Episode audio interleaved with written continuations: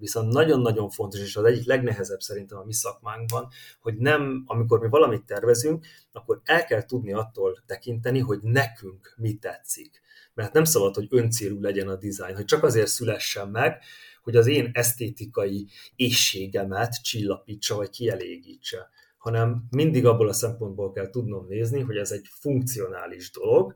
ami azért kell, hogy így nézzen ki, hogy akinek szól, az, az többet vegyen belőle, vagy jobban tessen neki, vagy magasabbra értékelje, vagy visszatérő fogyasztó vásárló legyen. És, és ez a legnehezebb része a dolognak, és ezért is van ez a, ez a kis kiragadott idézet, hogy a design mindaddig művészet, ami nem termel profitot.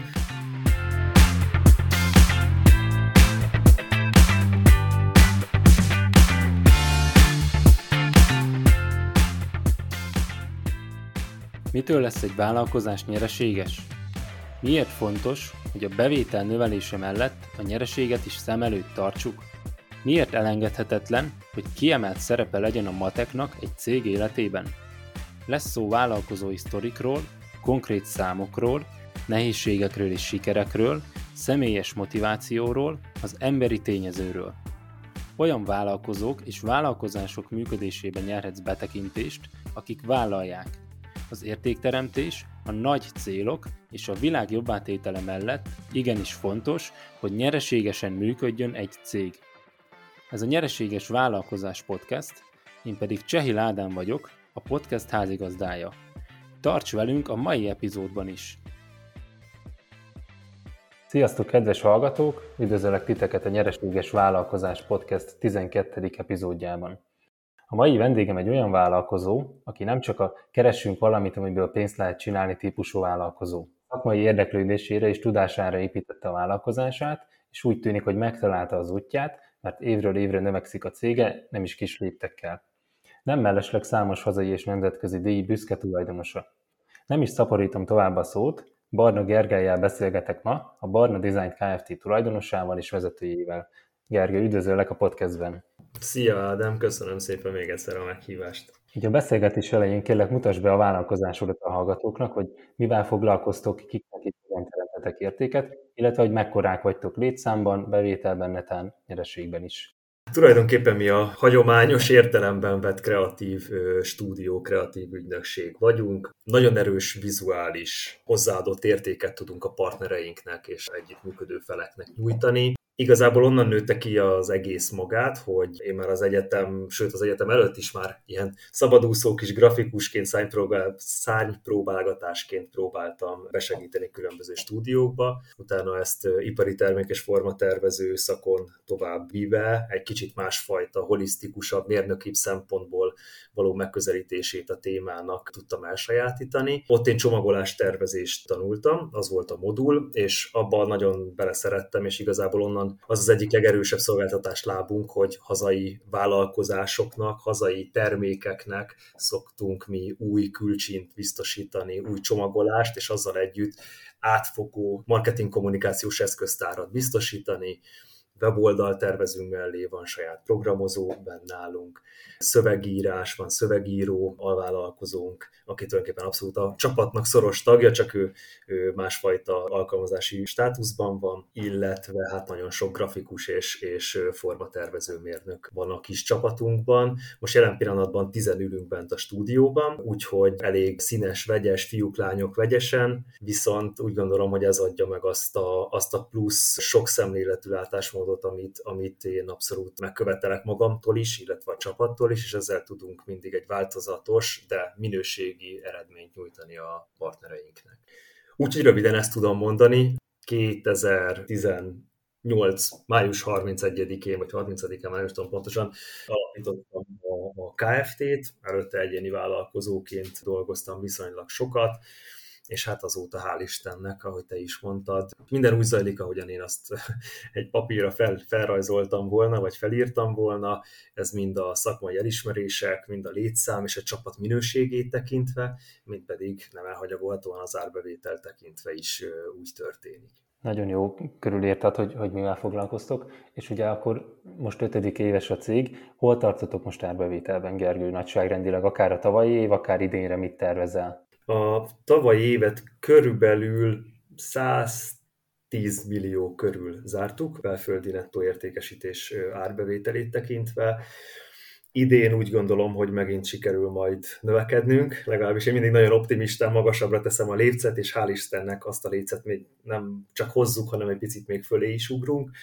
úgyhogy én nagyon bízom benne, hogy idén sikerül elérni egy ilyen 140 millió magasságában. És ehhez a bevételi szinthez százalékosan nagyságrendileg mekkora nyereség tartozik, ami megmarad a cégben? Azt tudom mondani, hogy körülbelül végig ezt a 30%-os rátát hozzuk. Ez plusz-minusz 5% volt, amikor 20 pár volt, amikor 30 pár. Ez nyilván függ attól, hogy éppen milyen a piaci környezetünk is sajnos olyan világot élünk, hogy elsőnek hamar visszavágják a marketing költségeket, és, és ezért a folyamatos értékesítés és új ügyfél, új ügyfelek és partnerek feltérképezésére sok energia megy, viszont azt mondhatom, hogy nem egyáltalán panaszkodhatunk, mert jó úton haladunk, úgy érzem. Így van, én is így gondolom, ugye a tapasztalatom alapján is, hogy dolgozom ügyfelekkel, illetve a podcast kapcsán is, hogy ez a 25-30 százalék, ez szinte minden iparágban sőt mondhatni minden iparágban egy nagyon, nagyon jó szám lenne, meg sokan elégedettek lennének vele. Illetve ami érdekes, hogy épp ugye ma ment ki a Dalos Zolival készült podcastem, és annak az a címe, hogy hogy hol van az a, az a cégméret, amikor nyereséget lehet termelni. És ugye ez nagyon érdekes, hogy neked, ahogy mondod, folyamatosan sikerül ilyen 25-30-at, annak ellenére, hogy nyilván az elején volt valamennyi bevétel, és akkor évről évre növekedtek. Ez tudatos, erre figyeltél mindig, vagy ez inkább nem mondom, hogy szerencse, de hogy, de hogy így sikerült, meg, meg a csillagok állása, vagy hogy sikerült folyamatosan nyereséges szintet tartani a cégben, annak ellenére, hogy nem voltatok mindig ekkorák, ugye most vagytok a legnagyobbak, meg még igyekeztek növekedni. Én úgy gondolom, hogy ez ösztönös is valamelyest, hogy az, hogy minőségi szolgáltatást nyújtunk, amire van vevő réteg, van, van, aki áldoz rá, és van, aki megbecsüli, és úgy gondolom, hogy addig, amíg a minőség iránt elkötelezett vállalkozókkal tudunk mi partnerségre lépni, addig ez a történet tovább tud menni. Nyilván egyébként talán a legnyereségesebb akkor voltam, amikor egymagam voltam, és, és hogy mondjam, otthonról katás keretekkel tudtam működni, az, az nyilván a, a legnagyobb nyereséget hozta, ugye mindenféle alkalmazotti bérek, járulékos költségek nélkül, de továbbra is úgy gondolom, hogy ez, ezt, a, ezt a szintet tudjuk tartani. Um, igazából azt tudom mondani, hogy, hogy majd, hogy nem a ököl szabály szerint, amit így észrevettem, hogy valahogyan létszám és az árbevétel aránya, az valahogyan mindig megmaradt ez a körülbelül 10 millió forint per, per ember. Ez nagyjából most is így látszik, hogy 10 vagyunk, és a 110 milliót értük el, valamikor alatta, valamikor fölötte vagyunk. Nyilván csapatszinten dolgozunk, tehát hogy nem szuverén és egyéni munkák vannak, tehát abszolút egy projekten is többen dolgozunk folyamatosan, de ez az, amit így valahogyan észrevettem. Úgy gondolom, hogy ez, ez az én árszabásomnak köszönhető valószínűleg, illetve a vevői bázisomnak, hogy körülbelül egy ember napi 8 óra alatt azon az áron ennyit, ennyit tudunk termelni igazából összesen egy év alatt. Igen, ezek szép számok, meg fontos számok, ugye, hogy az egy félrevetített árbevétel hogyan alakul, és nyilván ti, ha jól tudom, inkább szolgáltató cég vagytok, tehát, tehát a bevételnek 100%-a ár. Igen, igen, igen. Épp, épp, épp ezért tudom azt mondani, hogy nyilván van a beruházások, új gépek, teszem azt például nagyobb nyomtató, amikkel mondjuk a prezentációs anyagokat szoktuk, vagy a, az arculati anyagokat szoktuk prezentálni például az ügyfeleknek, nagy A3-as fotónyomtató, akkor most ruháztunk be ilyen doboz prototípus tancológépre, meg, meg gravírozó gépre, hogy tudjunk egy-egy ilyen elsődleges prototípus bemutatni, és ne kézzel kelljen vágni, viszont ezzel felgyorsítva a munkafolyamatot tudjuk egyébként ezeket prezentálni, meg próbálgatni, ugye mielőtt nagy szériába megy a gyártás. Mm, igazából nálunk az emberek tudása szerintem a legnagyobb érték, annak ellenére, hogy ma már nem olcsó egy számítógép, meg, meg nem olcsó egy, egy, egy irodát fenntartani, ennek ellenére, meg nyilván számtalan járulékos költség van, mint a marketing büdzsé, mint a, mint a networking és, és hasonló témákban, azért, azért könnyen repkednek a milliók sajnos. Persze, így van, viszont ugye ahogy mondtad, meg beszélünk a számokról, összeáll a kép, meg összeáll a szerkezet, és, és működik nálatok a dolog. Mondtad, hogy ugye a magas a magas minőség azért az, az visszaüt, és ezért is működik szerinted, meg ezért is működik a matek a cégben. És hogy azt akarom kérdezni, hogy nyilván egyértelmű, tehát ezt az árakba beépítitek, és azért tudtok nyereségesen működni, meg egyre növekedni, mert az árak elbírják ezeket a dolgokat, és marad nyereség is. Mennyire, vagy hogy működik nálatok az árazás, mennyire tudtad ezt már az elején te kikalkulálni, úgy alakítani az árakat, hogy az fedezze a költségeket és nyereség is legyen? Tehát ott volt ebben tudatosság? Azért kérdezem ezt, mert hogy az árazáson is sokat foglalkozom, és látom ügyfeleknél is, hogy sokszor azért nagyon nehéz ezt, ezt jól belőni, bírja el a költségeket, ugye adott iparágban nehéz előre meghatározni, hogy annak a, hogyha szolgáltató is vagy, akkor ugye mennyi időt fog igénybe venni az, a, az az ügyfél, mennyi költség lesz, akkor mennyiért kellene adni. Tehát te ezt hogy csináltad? Van-e erre egy kialakult módszered, rendszered, kalkulációt, hogy kell elképzelni? Most elgondolkoztam, mert valahol azért amikor, a, amikor az egészet elkezdtem, akkor úgy volt, hogy mondjam, érzésre felbecsültem, hogy körülbelül én nekem hány munka. Én általában a munkaóra megközelítés oldaláról szoktam ezt, és arra árést számolok és, és nem fordítva, hogy, hogy az, az ügy, mert valaki ugye úgy számol, hogy az ügyfél oldaláról ennek mekkora hasznossága lesz, amit mi teremtünk, és akkor az alapján árazza. Mi inkább azt szerint szoktuk ezt számolni, megnézni, hogy a különböző erőforrások stúdió belül, hogy a fejlesztői, hogy a marketinges, a grafikus, esetleg az én tanácsadói óradíjam, azok hogyan, hogyan épülnek bele abba a projektbe, amit nyújtunk, és az alapján szoktunk számolni. Az biztos, hogy folyamatosan legalább inflációs korrigációban minden évben szinte. Régi partnereknél kicsit ritkábban, nem, nem feltétlen minden évben, de ezt azért fontos, mert ugye nyilván a, a béreket is folyamatosan emeljük, és zárkóztatjuk fel a bérszínvonalhoz, és ezáltal fontos, hogy ez a másik oldalon is valahol megjelenjen. Ez alapján te leginkább költségoldalról, meg költség alapon árazol. Én azt szoktam egyébként mondani, amit ugye mondtál, hogy sokan az alapján áraznak, hogy azon gondolkodnak, vagy azon ötletelnek, hogy a, az ügyfélnek ez mekkora értéket hozhat. Én azt szoktam javasolni egyébként az ügyfeleknek, mikor árazáson dolgozunk, hogy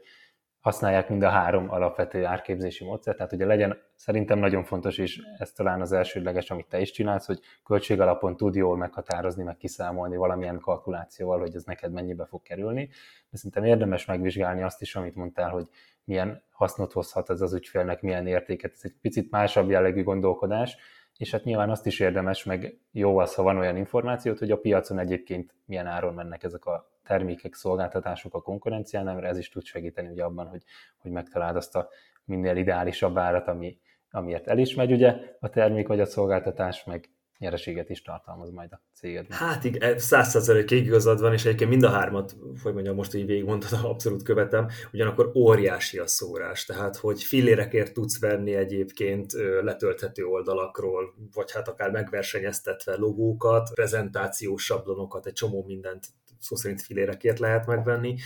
Nehéz igazából azt az ügyfélhasznosságot szem előtt tartani, hogy, hogy ő ebből mennyit fog profitálni. Vegyünk például egy logótervezés, egy arculattervezést. Ők nagyon sokszor azt látja, mert nem látnak bele esetleg a mindennapi folyamatokba, hogy egy-egy embléma, egy-egy szimbólum mögött, ami, a, ami aztán évekig lesz a logója, és az egész arcolat, az egész cégét azzal fogják azonosítani, mennyi munka és mennyi kutatás, és mennyi, mennyi próbanyomtatás, színtanulmányok, asszociáció, hangulattáblák, moodboardok, hogy mennyi-mennyi ilyen belső workshop is van, és, és nehéz az alapján azt mondani, hogy most kapsz te egy pipát, ami mellé oda van írva négy betű, hogy Nike, akkor, akkor ennek az értéke, ez, ez, ez, ez, ez milliós nagyságrendű. Mert hogy ők azt látják, hogy de hát ez csak egy egyszerű egy pipa, ami mellett néhány betű van, ezért nehéz abból a szempontból nekünk ezt árazni, mert, mert nem evidens a hozzáadott értéke annak a, annak a munkának, amit mi elvégzünk, és ez nyilván egy edukációs misszióm is, hogy, hogy erre mindig felhívjam a figyelmét a, a partnerünknek. Ugye mondtad, hogy nehéz ebből a szempontból árazni, ezt, ezt értem is, meg el is fogadom, viszont mennyire kell azt az ügyfeleknek átadjátok, hogy mennyire keresnek meg titeket olyan ügyfelek, akik úgy sokalják az árat, alkudozni próbálnak, olcsón akarják a dolgot megoldani, vagy titeket már inkább a, a minőségre igényesebb ügyfelek keresnek, ami nyilván azt jelenti, hogy annak magasabb ára van a minőségnek, ugye? Azt lehet mondani, hogy talán már többször keresnek meg minket a hírünk miatt, marketingünk miatt, esetleg találkoztak az általunk tervezett termékkel, honlappal, bármi hasonlóval, vagy tovább ajánlott minket egy elégedett ügyfél, ezért ez már egy szűrő azért valahol. Tehát, hogy nem, nem a, az, tudják, hogy nem egy egy eurós bolt vagyunk, ahova besétálnak, és, és, és akkor valamit le lehet emelni a polcra, egy kézdobozos terméket, de ugyanakkor, bár annak ellenére, hogy szerintem középmagas árazásunk van abszolút, így létszám és, és, és árbevétel és cégméret tekintetében is a hazai, hazai piacon is, tehát hogy sokszorosát kérik el egyesek, egyes, egyes hasonló területen működő cégek, mint mi. Nem mondom azt, hogy, hogy nincsen halkudozás,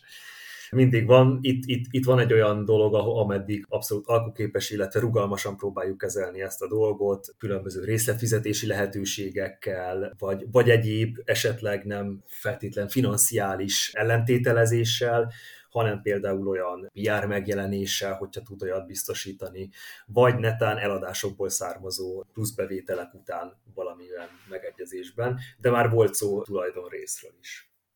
amivel mi tudjuk vállalni azt a, hogy mondjam, biztos sikert. Ezt azért szoktam a tárgyalásoknál mondani, hogy hogyha most tulajdonképpen minimális összeget fizet, viszont tulajdonrészben meg tudunk állapodni, és akkor ezt nyilván jól körüljárva, akkor én azt mondom, hogy onnantól kezdve olyannyira biztos vagyok az egészben, hogy, hogy mondjuk az, az termék megújítása után eladott termékeknek az árbevételéből mondjuk mi is részesedhetünk, belül, részesedhetünk. Úgy gondolom, hogy ez is az viszonyítja, hogy őszintén hiszünk abban az értékben, amit teremtünk, és, és fontosnak gondolom, hogy a partner is, az együttműködő partner is egy beruházásként tekintsen a közös munkánkra. Itt ez a, ez a vége, ez elég érdekes, amit mondtál is egyedi, úgyhogy ezt szeretném, ha pontosítanád, mert nekem se teljesen tiszta, hogy ez azt jelenti, hogy a, a partner cégnek lesztek ti is tulajdonosai, vagy sokkal inkább annak a, annak a terméknek, amit ti csináltok, és akkor abból kaptok majd jutalékot, vagy nevezzük bár, hogy ezt hogy kell értelmezni? Több minden felmerült már a tárgyalások során. Volt olyan, ahol magából a cég, cégből volt szó tulajdon részesedésről egyébként. Volt olyan is, ahol azt mondtuk, hogy tűzzünk ki egy célt, mint amit egy értékesítőnek kitűznek, és én őszintén gondolom azt, hogy egy mondjuk egy új termékcsomagolás, vagy egy új weboldal, az, az egy néma értékesítőként szerepel és, és funkcionál, azaz biztos vagyok benne, hogy olyan, mint hogyha felvenne még valakit, vagy akik vannak, azok még könnyebben fognak tudni házalni és szélszelni, ezért az eladott termékek után többféle ilyen konstrukció volt már, amivel, amit, amit, amit így fel, felajánlottunk. Itt ugye utána olvastam, meg utána néztem a te cégednek, meg a tevékenységnek, és, és nagyon az jött le, hogy, hogy a csomagolás, meg a, a design az azért sokkal összetettebb annál, mint hogy jól nézzen ki valami. És ugye ti egy elég kreatív feladatot végeztek, és oké, okay, hogy ezt, ezt nehéz beárazni, ezt megbeszéltük, meg, meg nem egyszerű beárazni, kihívás ugye jól beárazni, de hogy, hogy hol térül meg ez a potenciális ügyfeleknek, hogy kell itt gondolkodni, hogy tekintsen befektetésként rá egy potenciális ügyfél arra, hogy veletek készítet el egy, egy csomagolást, valamilyen dizájnt, nyilván sok szempontja lehet ennek, meg sok, nem csak csomagolást készítetek, hanem sok mindent, de hogy mégis hogy tudjátok ezt átadni neki, hogy ez igenis értékes, és ezt érdemes, és, és érdemes megfizetni az árát. Kétféle szempontból. Egyrészt meg lehet nézni azt is, hogy mi mekkora költséget tudunk neki megspórolni. Tehát például olyan csomagolás optimalizálási megoldásokkal, például amit eddig két dobozba, meg mondjuk egy BOPP tasakba csomagolt, azt esetleg egyfajta más egyedi dobozkonstrukcióval ki lehet váltani. Amit eddig mondjuk másképpen nyomtatott, arra lehet, hogy tudunk egy jobb és elegánsabb megoldást, és már ott tud spórolni. Tehát egyik oldalról itt van az szerintem az a hozzáadott érték, hogy, hogy nálunk terméktervező mérnökök is dolgoznak, így elég nagy rálátásunk van a gyártástechnológiai megoldásokra, és ott hol és miképpen lehet egyébként a partnernek megtakarítani vagy akár könnyedebbé tenni bizonyos folyamatokat. A másik oldalról pedig mindig után követjük azt, hogy miután beavatkoztunk, azaz színre lépett a mi dizájnunk, akár legyen szó arculatról, weboldalról, csomagolásról, ezek a leggyakrabban előfordulók, akkor hogyan alakultak nekik a, az eladási számaik. Általában mind darabszámra, mind árbevételre, árbevétel tekintetében és magasabb áréssel is tudnak például dolgozni, egy szexibb dizájnt több pénzért tudsz eladni, pedig esetleg ugyanaz a termék van benne. Mégis magasabb áréssel tudnak például ők maguk is dolgozni. Tehát már ott mindig visszajön ez a befektetés, amit a dizájnnak szentelnek, illetve ugye sokkal szívesebben és sokkal magasabb és előkelőbb helyre, előkelőbb polcra fogja kirakni esetleg a viszonteladó partner is, mondjuk azt a boros üveget, vagy, vagy azt a csokoládét, amit, amit, amit mondjuk terveztünk, mert, mert őnek is érdekel, hogy legyen forgalma a retail üzletében, akkor, akkor onnan is szebb fogyásokat tudunk indukálni, egy mérőszám pedig az például, hogy, hogy hány helyre listázzák be. Ugye elég kiélezett és nehéz helyzet van, amikor termékekről beszélünk. Volt olyan partnerünk, aki azzal fordult hozzánk, hogy a, a dizájnja miatt érzik ők is, hogy már, már elavult, és kellene vele valamit csinálni, de nagyon sok helyről kilistázták őket, és nagy volt a kitettségük azoknak a retail üzleteknek, üzletláncoknak, és mondtam, hogy semmi gond, aláírjuk a szerződést, én vállalom azt, hogy ezzel a dizájnnal évvégéig három nagy áruházlánchoz mondjuk be, fog, be fognak kerülni, akik eddig kilistázták, és hál' Istennek ez fölülmúlni is sikerült. Egész más a fogadtatása egy, egy jól kinéző termékdizájnnak, pedig ugyanaz a beltartalom. Ugye nekem ez meglepő, hogy ennyire működik a dolog, amit mondtál, és nagyon logikusan összekapcsoltad, hogy igen, ez dizájnról beszélünk, ami kicsit ilyen művészi jellegű, ugye picit elvontnak is tűnhet a, a laikus hallgatónak. Ugye, ahogy mondtad, egyrészt költségmegtakarítást is tudtok elérni, abszolút a tervezéssel, és ott igazából ott még akkor nem is beszélünk arról, hogy hogy néz ki. A másik oldalra meg talán a, a hogy néz ki oldala, ugye, hogy hogy egyszerűen követitek, és, és az a tapasztalat, hogy nem csak hogy költségmegtakarítás, hanem bevétel növelő ereje van annak, hogy veletek dolgozik valaki, és ti csináljátok meg a dizájnját annak az adott cégnek. Illetve az, amit mondtál, az elég erős ígéret, ugye a részletekről, mint szolgáltató részéről, hogy hogyha együtt dolgozunk, akkor te vállalod azt, hogy évvégéig bekerülök három három üzletláncba, ez azért elég komoly ígéret, és gondolom, hogy ennek megvan az ára is, de hogyha ez működik, és valóban sikerül ezt teljesíteni, akkor egyszerűen nem kérdés, hogy az az ára, amit te elkértél, az megérte vagy sem. Igen, igen, és hál' Istennek azóta is már hosszú évek óta dolgozunk együtt, úgyhogy hál' Istennek töretlen a, töretlen a közös sikerünk. Egyébként,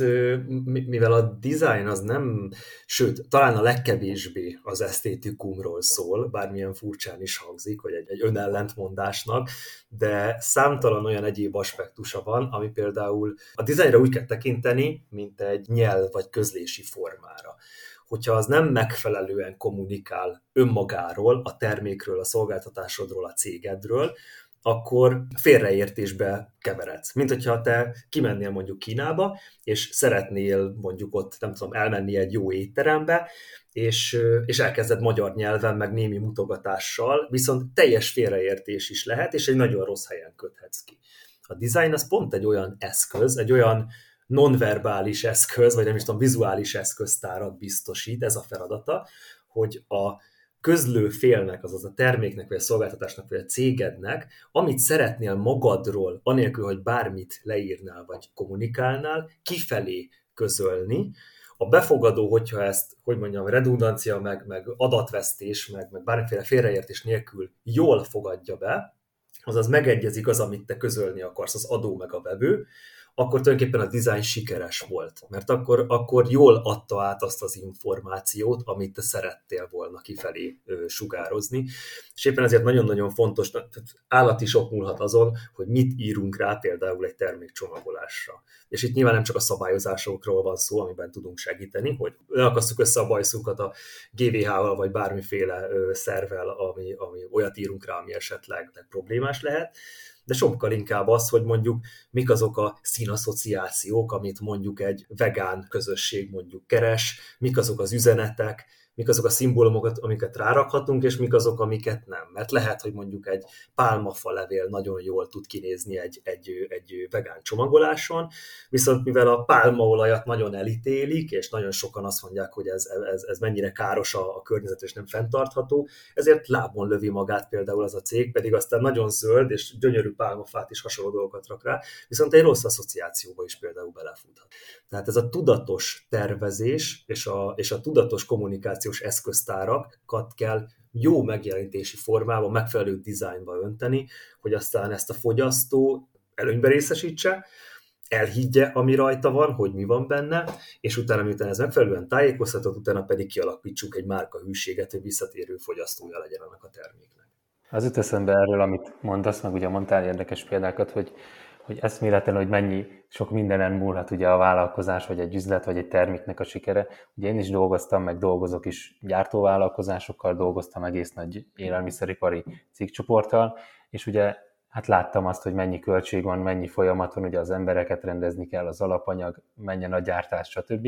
És hogy eljutunk a gyártásig, kész a termékünk, de hát azt ugye el is kell adni, és hogy itt mondod, hogy eszméleten, hogy, hogy a csomagolás, annak a dizájnja nagyon sokat számíthat abban, hogy mennyire megy egy termék, vagy épp kudarc lesz belőle, annak ellenére, hogy lehet, hogy a termék iszonyú jó és, és hasznos, vagy ugye élelmiszerben mondjuk finom, meg egészséges, de ha a dizájn nem olyan a csomagoláson, akkor, akkor lehet, hogy nem kell senkinek. Igen, igen. Sőt, mondok egy másik példát, amikor meg túl jó a csomagolás, viszont a termék meg silány. Ezt hívjuk úgy, hogy túlcsomagolt termék. Ebben az esetben ugyanúgy egyébként egy fogyasztói csalódás alakul ki, mert sokkal jobb az elvárt és a reményteli ízélmény például, vagy bármiféle minőségbeli elvárás, mint a tapasztalt. És ebben az esetben pedig ugyanúgy egyébként rosszul pozícionáltuk azt a, azt a terméket. Tehát, hogyha egy alsó kategóriás termékről beszélünk, akkor, és a szó jó értelmében, mert hogy, mert hogy ki kell szolgálni azt is, az alsó polcos termékeket is,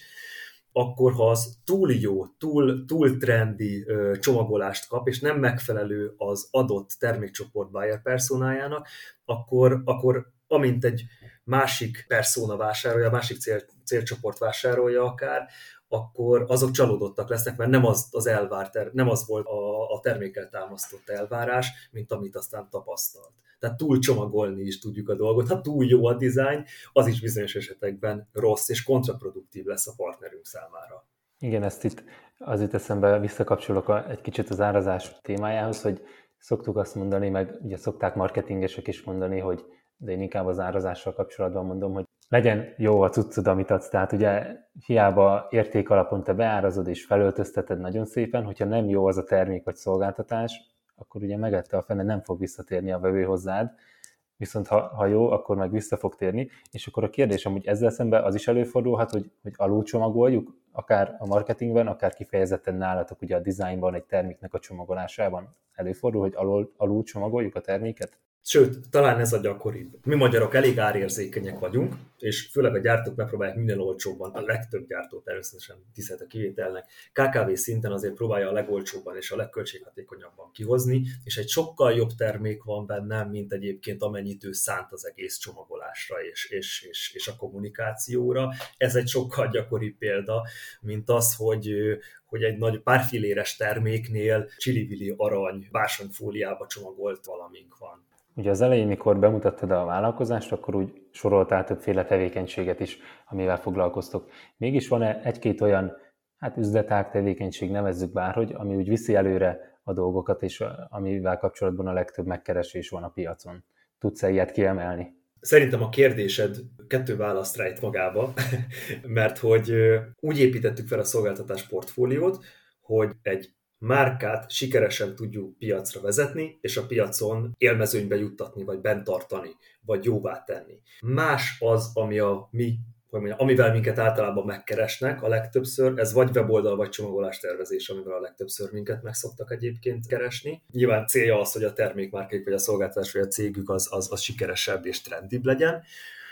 és más az, ami mondjuk Barna Designnak, a cégünknek, a stúdiónak egy stabilitást és egy kiszámíthatóságot ad. Mert egy néhány éve általánydíjas folyamatos támogatás, marketing kommunikációs szolgáltatást is bevezettünk, ami ad nekünk egy pénzügyi stabilitást, viszont szakmailag egy sokkal kevésbé kihívás, mint, mint mondjuk, mint az eleje, amikor ki kell találni mondjuk azt, hogy na melyik irányba megyünk tovább azzal a termékkel. Ezek alapján, amiket már mondtál itt a design kapcsán, nekem egyértelműen átjön, meg én, én megvettem a dolgot, viszont az jut eszembe, hogy amikor te értékesítesz, vagy akár nem tudom, hogy a kollégáit szoktak-e értékesíteni, mennyire szoktátok erre kihegyezni, vagy mennyire érdekli ez az ügyfelet, hogy hogy, hogy hogyan lesz neki értékes az, hogy veletek dolgozik, vagy az ügyfeleket inkább sokkal inkább az érdekli, hogy jól nézzen ki, meg hogy mutasd meg, és akkor fancy legyen a, a terv, amit megcsináltatok, vagy érdekli az is, hogy hogy fog ez neki megtérülni, hogy tud ezzel spórolni, ahogy mondtál, ugye pénzt megtakarítani, illetve hogy, hogy tud ezzel több bevételt elérni. Mennyire kell erre kihelyezni a, a hangsúlyt? Általában, mivel B2B-be szolgáltatunk, azért a legtöbben azért keresnek meg minket, mert szeretnék, hogy jobb legyen a termékük, szolgáltatásuk, és, és több maradjon nekik a nap végén. Úgyhogy abszolút befektetésnek tekintenek rá. Hogyan lehet ezt szélszelni, vagy hogy mi az, amit kommunikálok? Bevallom őszintén, hogy, hogy nehéz a direkt kommunikációval egyébként bármiféle eredményt úgy elérni, hogy pont, pont ma reggel, rendszeresen járok egyébként például BNI üzleti reggelikre, több csoportban is ben voltunk, mások magammal, testvéremmel, tehát a két csoportban is párhuzamosan. Nehéz felkelteni arra az érdeklődést, hogy a egyébként raktárkészleten lévő termékszortimentedet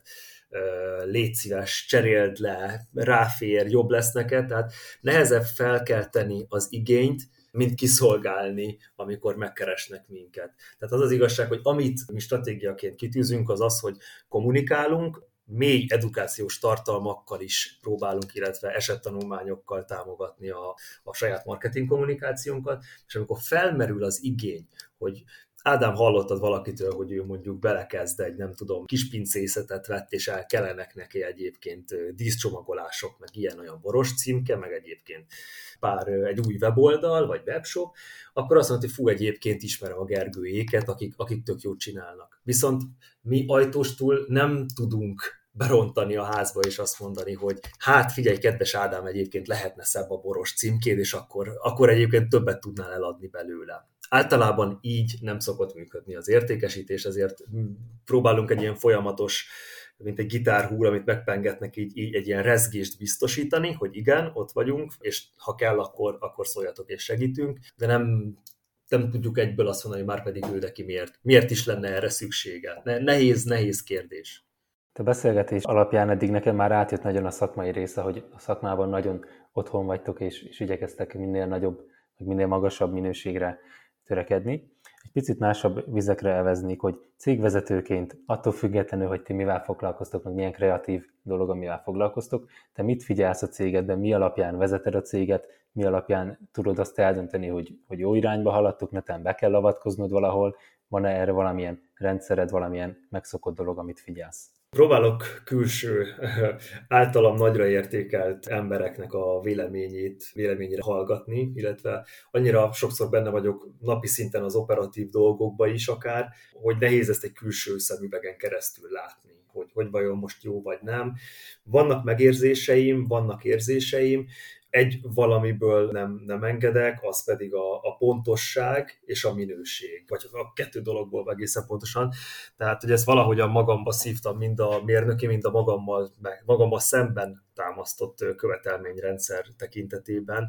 hogy hogyha valamit ígérünk, azt akkorra és olyan minőségben szállítjuk le, ahogyan, ami miatt hozzánk fordultak, és, és hál' Istennek szerintem azért is van, hogy egy folyamatos ügyfélkörrel tudunk, tehát folyamatosan csak növekszik az ügyfélkör, és, és kvázi nem fluktuációról beszélünk, vagy lemorzsolódásról, hanem ezért van szerintem az, hogy, hogy növekedni tudunk, hogy a, a, a minőségben nem ismerünk kompromisszumot. Tényleg egy,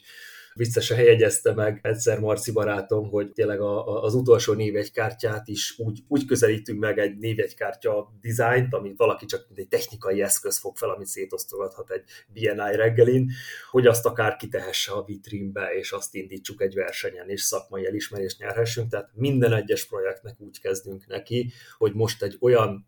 működőképes maradandót alkotni, ami nem csak a partnercég, de a mi nevünket is öregbíti. Tehát ezzel is megerősíted azt, hogy abszolút a, a magas minőség és a, a pontosság az, az nagyon fontos számodra, és hát végül is valószínűleg ez visszaköszön abban, hogy, hogy sikeres a cég, működik a cég, növekszik a cég, hiszen ha ez, ez nem lenne meg, akkor kétlem, hogy sikerülne mondjuk ezt a 25-30 százalékos bevétel arányos nyereséget tartani folyamatosan. Elképzelhető, de én inkább tartom magam jó szakembernek, mint egy jó vezetőnek, vagy, vagy ügyes menedzsernek. Próbálom ellesni a praktikákat, technikákat, és mondom kérdez, kérdezni, hogy ezt mint és hogyan lehet. Én azt hiszem, hogy az a, az, az őszinte és, és szakmai hozzáállás, amit mi képviselünk, az az, amelyik, de lehet én vagyok naív, de talán az az, amelyiket honorálja és kifizetik, kifizeti a, a partner, illetve mondjam, visszaköszön nekünk nyereségben is akár. De nem, de nem, tehát inkább ösztönösnek tartom magam, mint hogy, hogy nagyon a számok és diagramok mögé nézve, tudatosan esetleg bizonyos céges működési formákat beépítve és megpróbálni valamit kialakítani. Ez, ebben, ebben egyébként egyáltalán nem, nem, nem érzem sikeresnek magam vagy jónak. És mit gondolsz, hogy ebből a szemszögből ugye stratégia, tudatosság cégvezetőként, meddig tudsz esetleg eljutni, vagy érzed -e ennek már hiányát, hogy szükség lehetne adott helyzetekben erre? Mert ugye mondtad, hogy vagytok tizen, meg a vállalkozókkal együtt biztos, hogy több ember is függ tőletek, hogy lehet erre szükség, megégetheted-e magad emiatt, vagy azért próbálod ebben is fejleszteni magad, tanácsot kérni, akár utána olvasni dolgoknak, vagy egyszerűen nem volt még erre szükség, mert működik a dolog, pénzügyileg stabil a vállalkozás? Pénzügyileg most stabil a vállalkozás, de ez sokkal inkább, amit te is mondtál, létszám és HR szempontjából szerintem egy kihívás, amit most is érzek kihívásnak, hogy tíz főnél már azért akár kialakulnak klikkek, esetleg ellentétek, vagy teljesen egyet nem értések, és, és az ennek való kezelése és megfelelő szintű közbeavatkozása, vagy mentorálása, vagy mediálása inkább, ezt úgy érzem, hogy, hogy itt már kértem akár külső segítséget is a szervezetfejlesztőktől, hogy hogyan és mint, mint lehetne ezeket a dolgokat. Be, bevallom őszintén, nekem tavalyi év végén volt egy felmondás nálunk, én nagyon-nagyon kedveltem azt a kolléganőmet, és nagyon-nagyon szakmai, nagyon nagyra tartom, és nagyon mai napig jóba, jóba is váltunk el, de nekem az egy meglepés, meglepetés volt, hogy aki nekem ennyire kedves volt, és, és a csapatot azt hittem, hogy ennyire egybe van, annyira mentem a dolgokkal, és, és futottam a munka után különböző ö, helyzetekben, hogy nem vettem észre, hogy közben esetleg egyesek nem érzik jól magukat, vagy, vagy kényelmetlen nekik bizonyos pozíció, vagy, vagy bármi ilyesmi, vagy sok, vagy, vagy túlterheltség, és, és akkor döbbentett rá, hogy nekem kell tudnom foglalkozni. Most már vagyunk annyian, hogy nem, nem gépek vagyunk, kell tudnom ezzel foglalkozni. Úgyhogy nekem ez egy idei agenda saját magam tudó hogy jobbá tenni a, a szervezeti jólétet. Nagyon szépen fogalmaztad meg a végén ezt a kifejezést, hogy a, a szervezeti jólétet. Egy olyan kérdés jutott az eszembe, hogy így, ahogy ugye mesélsz, meg, meg meséltél a számokról, ugye 5 éves a cég, előtte is vállalkoztál már, de 5 éve van ugye igazán céged, a számok szépek, ugye szépen növekednek, növekszik a csapat is. Ez így úgy hangzik, mint a, mint a mesében, ugye, hogy a, a fiatal legény, aki lelkesen belevág, elhivatott és csinálja és sikeres, de biztosan voltak, vagy feltételezem, hogy voltak azért kudarcok is az út során, meg, meg nagy elakadások, esetleg gödrök, amit úgy láttad, hogy nem biztos, hogy ki tudtok mászni belőle. Eszedbe jut-e valami ilyen kudarc, ami szerinted tanulságos, vagy neked tanulságos volt a, a cég építése során, és megosztanád velünk, illetve a hallgatókkal? Igen, az igazság több minden is. Talán az egyik első könyvborító volt, tényleg 100, 150 fölött is van, ahány, ahány könyvet csináltunk már, könyvborítót és tördelést csináltunk, és talán az egyik első tízben volt valahol, és volt egy nagy könyvbemutató, és ott például emlékszem, hogy amikor a kezembe vettem, nem voltam ott a nyomdai gépinduláson, még, még zöldfülű voltam, tényleg ennek már azért több éve, sok éve, és a kezembe vettem, és azon a több ezer példányon észrevettem egy olyan, olyan kardinális bakit, hogy egyébként a, az elmosott szélek azok élesek maradtak, és, és nem, tehát mindenkinek szembe tűnt, hogy ott, ott, ott, valami, ott valami probléma van, és ott akkor egy életre megtanultam, hogy tényleg ez a kétszer mér, egyszer vág, vagy utána vág, tehát mindent kétszer leellenőrizni, és az alaposságra még nagyobb hangsúlyt fektetni. Talán a másik nagy pofon az az volt, amikor, amikor nagyon-nagyon sok energiát beleöltünk egy személyzeti centrumnak a újra és ott nem megfelelő gyakorlatiassága, vagy nem megfelelő kommunikációval kicsit félresiklott a, a projekt. Azon kevés projektek egyike, ami, ami, ahol szerintem elégedetlen volt aztán végül a, a partner, és azok a terveket, amiket mi hogy mondjam, design, látványterv szinten szépen elkészítettük, azt végül egy asztalos fejezte be, és készítette el akkor a várótermet, hostess, vagy a, a recepciós pultot és a többit.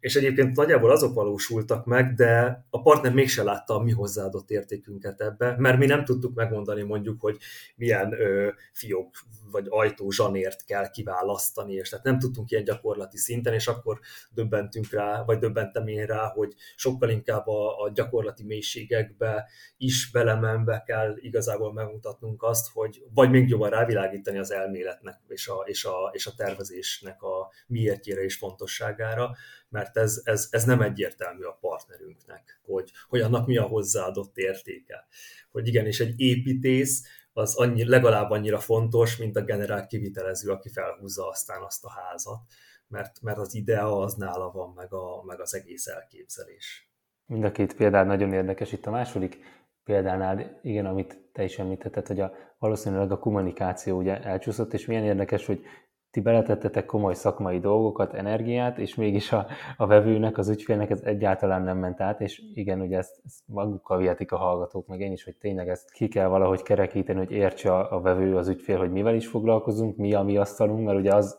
az a kérdés, az a probléma, ami miatt az elcsúszott, az valószínűleg nem is a ti asztalatok volt, hanem az asztalosnak ugye a, az asztala volt, az, hogy olyan témában tudjon segíteni, mégis tőletek várt, ti nem tudtatok, és, és elcsúszott a dolog. És itt a, a könyves példádnál hogy oldottátok meg, hiszen mondtad, hogy ezer vagy akár több ezer példány is ment úgy, be kellett nyeljétek azt a költséget és újra nyomni, vagy sikerült azt lekommunikálni valahogy az ügyfélnál, vagy azt hogy tudtátok megoldani? Sikerült lekommunikálni a kedves íróval is. Nagyon-nagyon sokáig utána különböző projekteknél ajánlott, bit, több könyvét is csináltuk. Sajnos ő, ő egy néhány éve már nem él, nincs velünk, de nagyon-nagyon kedveltük egymást, és nagyon jó kapcsolatot ápoltunk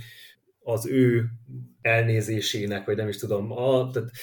el tudott a felett nézni, vagy eltekinteni ettől a kis bakitól, és úgy gondolta, hogy maga a koncepció, maga az, amit beletettünk, az, az teljesen maradéktalan és jó, és igazából amikor elfogyott és utángyártás történt, akkor lett ez javítva, hogy konkrét anyagi kompenzáció nem, de biztosan volt valami egy-két munka, amit, amit úgy bebáraltunk el cserébe puszira. És ugye ezzel szemben, hogy kérdeztem, hogy milyen kudarcokat, meg nehézségeket osztanál meg a hallgatókkal, milyen olyan sikerélményeket osztanál meg a hallgatókkal, amikre most is jó visszaemlékezni, és a vállalkozói utadon visszaemlékszel rá, és, és akár most is túl tud lendíteni egy-egy nehezebb időszakon? Talán amikor a partner cég, akinek készítjük az anyagot, ő, őnek is olyan ö, üzleti sikerei lesznek, ami tényleg kimagaslóak, mint például az említett, hogy hány helyre belistázták a terméket, és azóta is nagyon jól megy, ö, és, és bővül a termékszortiment, Ezekre azért jó, mert egy, tényleg egy iskola példának tudom én is bent a srácoknak felmutatni, hogy, hogy ezért érdemes azzal a megközelítésre, azzal az alapos kutatással végigvinni azt a dizájnt, mert, mert hogy ez visszaköszön,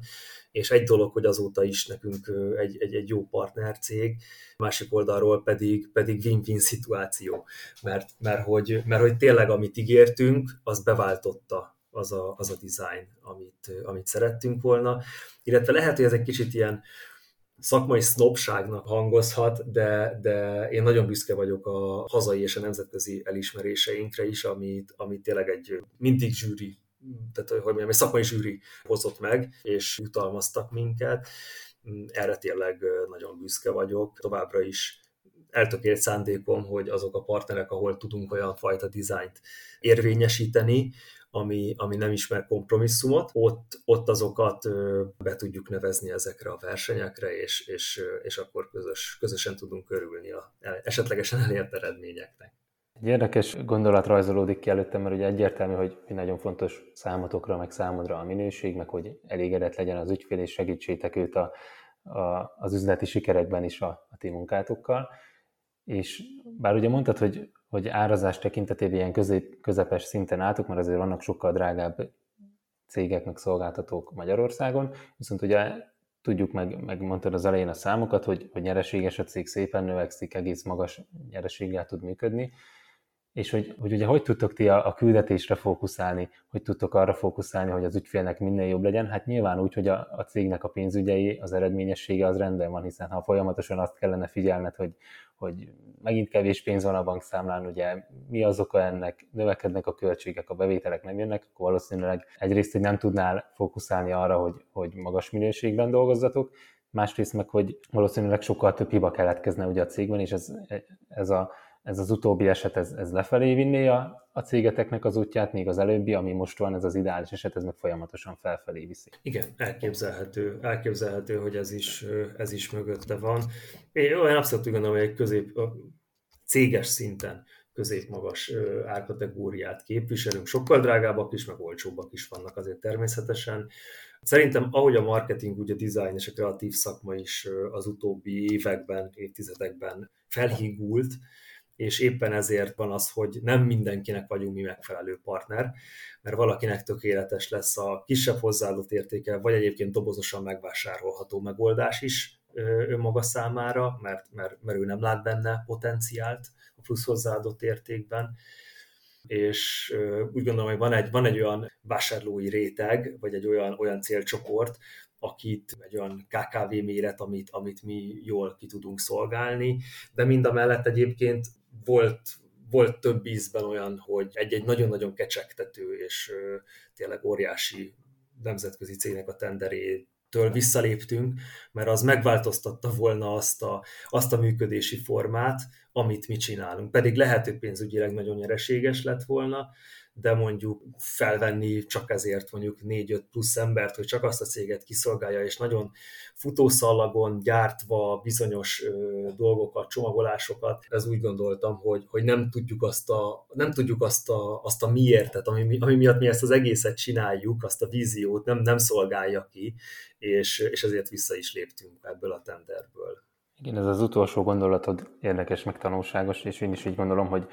hogy tudni kell ugye a saját helyünket, a saját utunkat, a célunkat, és ezt helyén kezelni, mert lehetőségek, főleg vállalkozóként ugye számos lehetőséggel találkozunk, lehet azért is, mert ilyen a, a szemléletünk, meg a hozzáállásunk, hogy jobban észrevesszük a lehetőségeket, de ugye ha mindenre igent mondunk, meg mindenbe beleugrunk, az nem biztos, hogy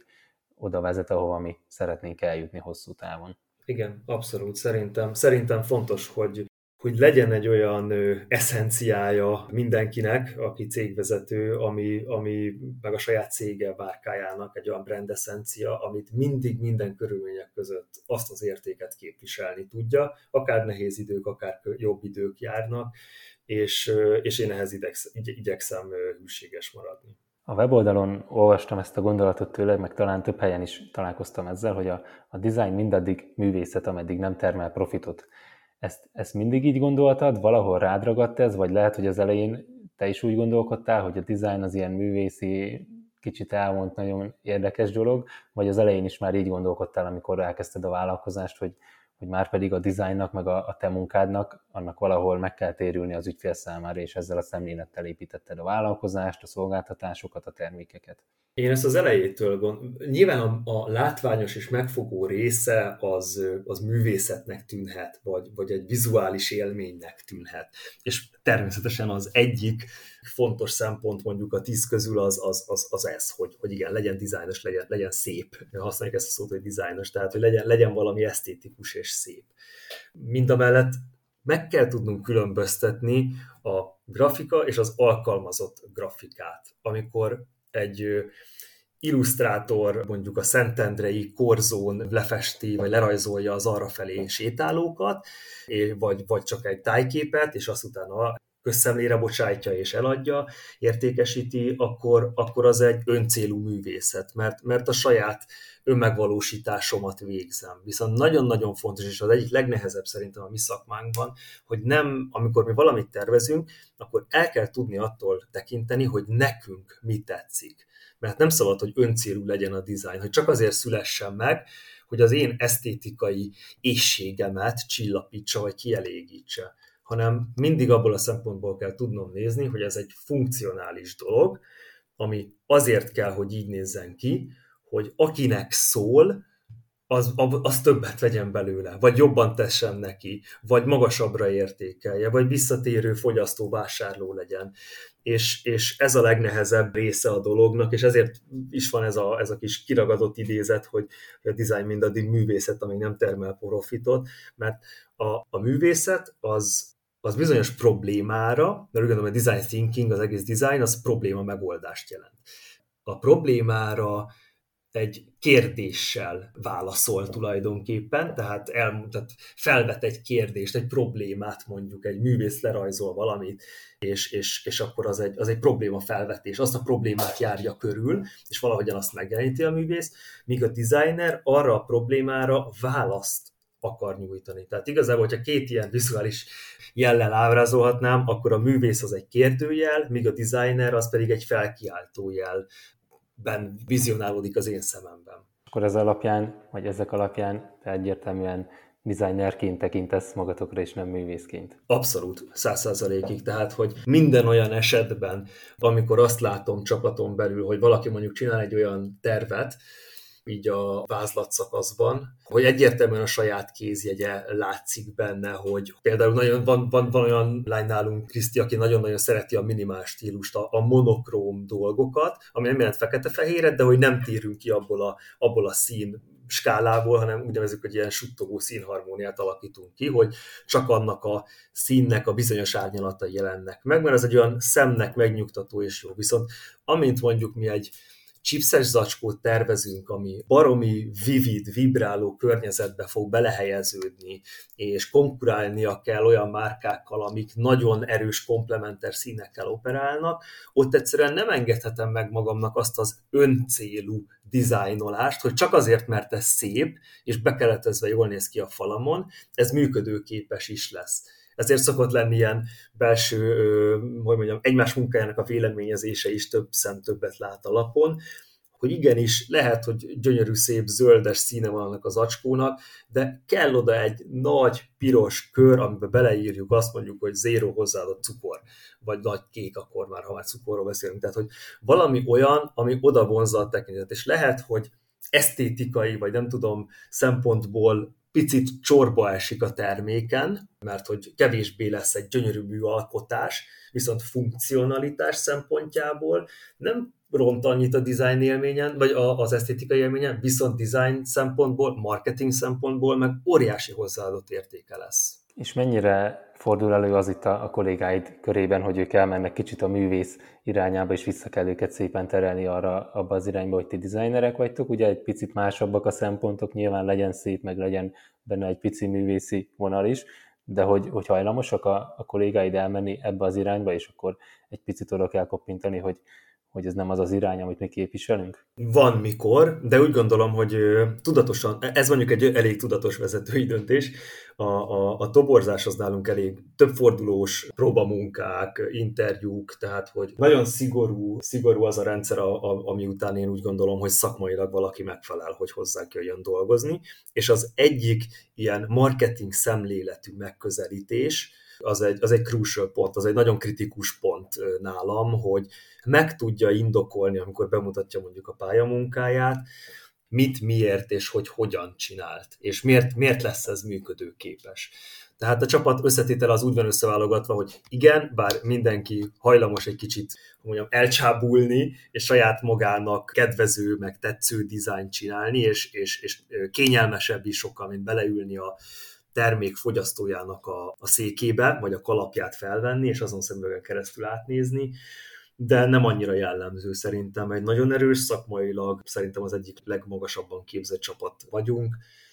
nagyon-nagyon büszke vagyok mindenkire, úgyhogy nem, nem gondolom, hogy ez, hogy ez egy rendszeresen előforduló dolog. Ami nekem a, legérdekesebb itt a mai beszélgetésben, hogy számomra is egy kicsit ez a design, meg a, a művészet az, az ugye egy, egy közös vonalnak tűnt a beszélgetés előtt, meg egy kicsit ilyen elvontabb ugye a művészi dolog, és hogy egy kreatív dolognak tűnik, és hogy te mégis ezt, ezt egy nagyon kézzelfogható dologgá tudod tenni itt a beszélgetés során is ez átjön, ugye üzletileg is egy kézzelfogható dologgá, meg a laikus szemével is szerintem egy kézzelfogható dologgá, hogy, hogy mégis miben kell figyelni a, a ti értékteremtéseteket, mint egy designer cég. Úgyhogy számomra ez nagyon, nagyon érdekes. Már megérte akkor. Köszönöm szépen. Igen, nekem ez az egyik, egyik belső motivációs tényezőm, vagy nem is tudom, hogy a mozgatórugóm, ez a, ez a fajta edukáció, hogy mik azok a tényleg marketing pszichológiai kis nüanszok, amivel, amivel egy-egy dizájnba belecsempészve hogyan tud, hogyan tud ez például működni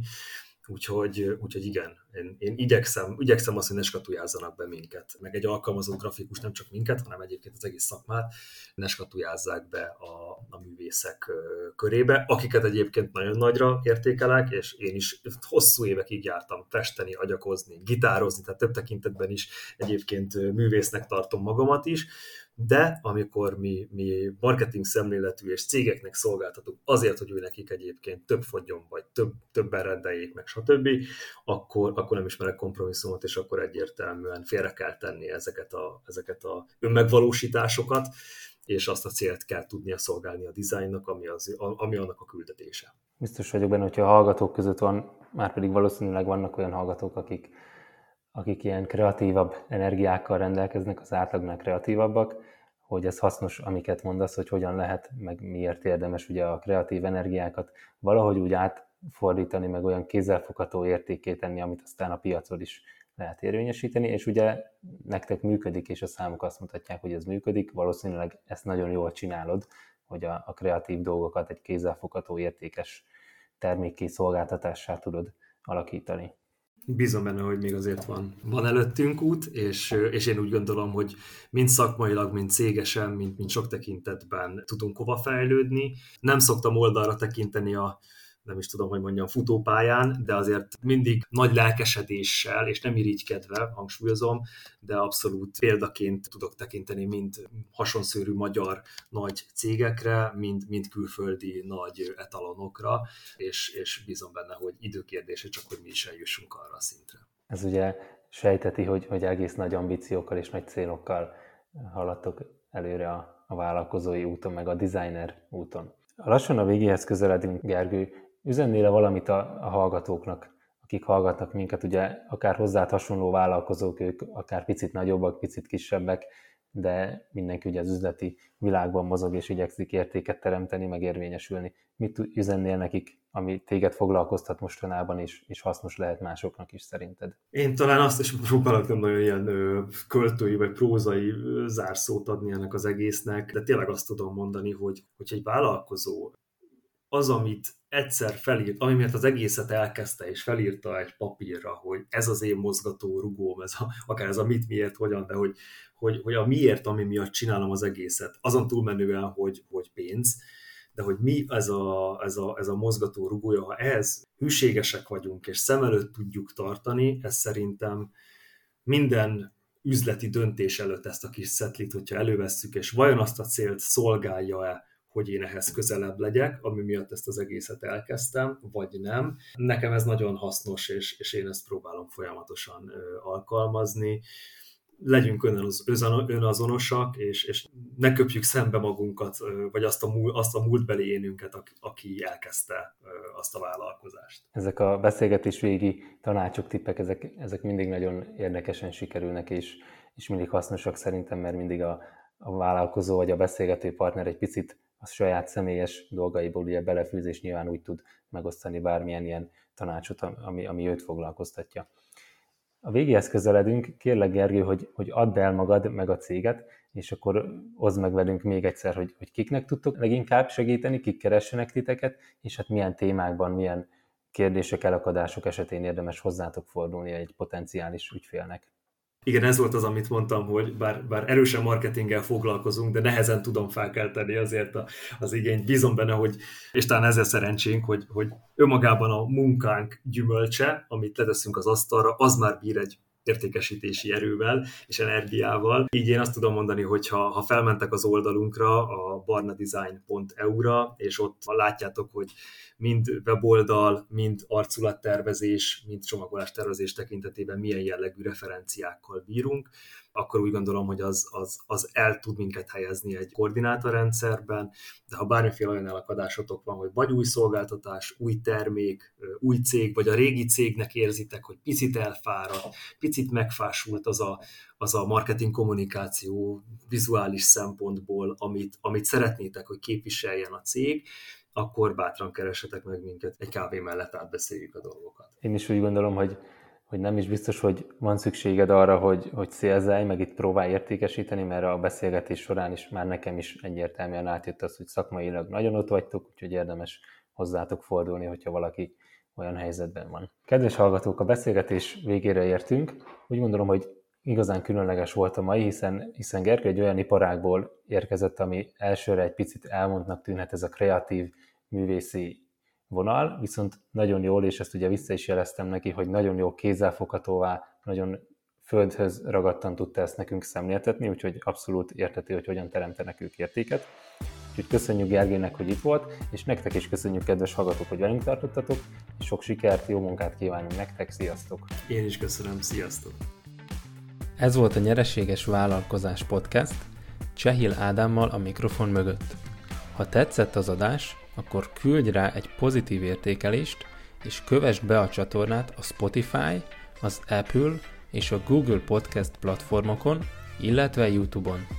További hasznos tartalmakért iratkozz fel a Nyereséges Vállalkozás hírlevélre a www.nyereségesvállalkozás.hu per feliratkozás oldalon.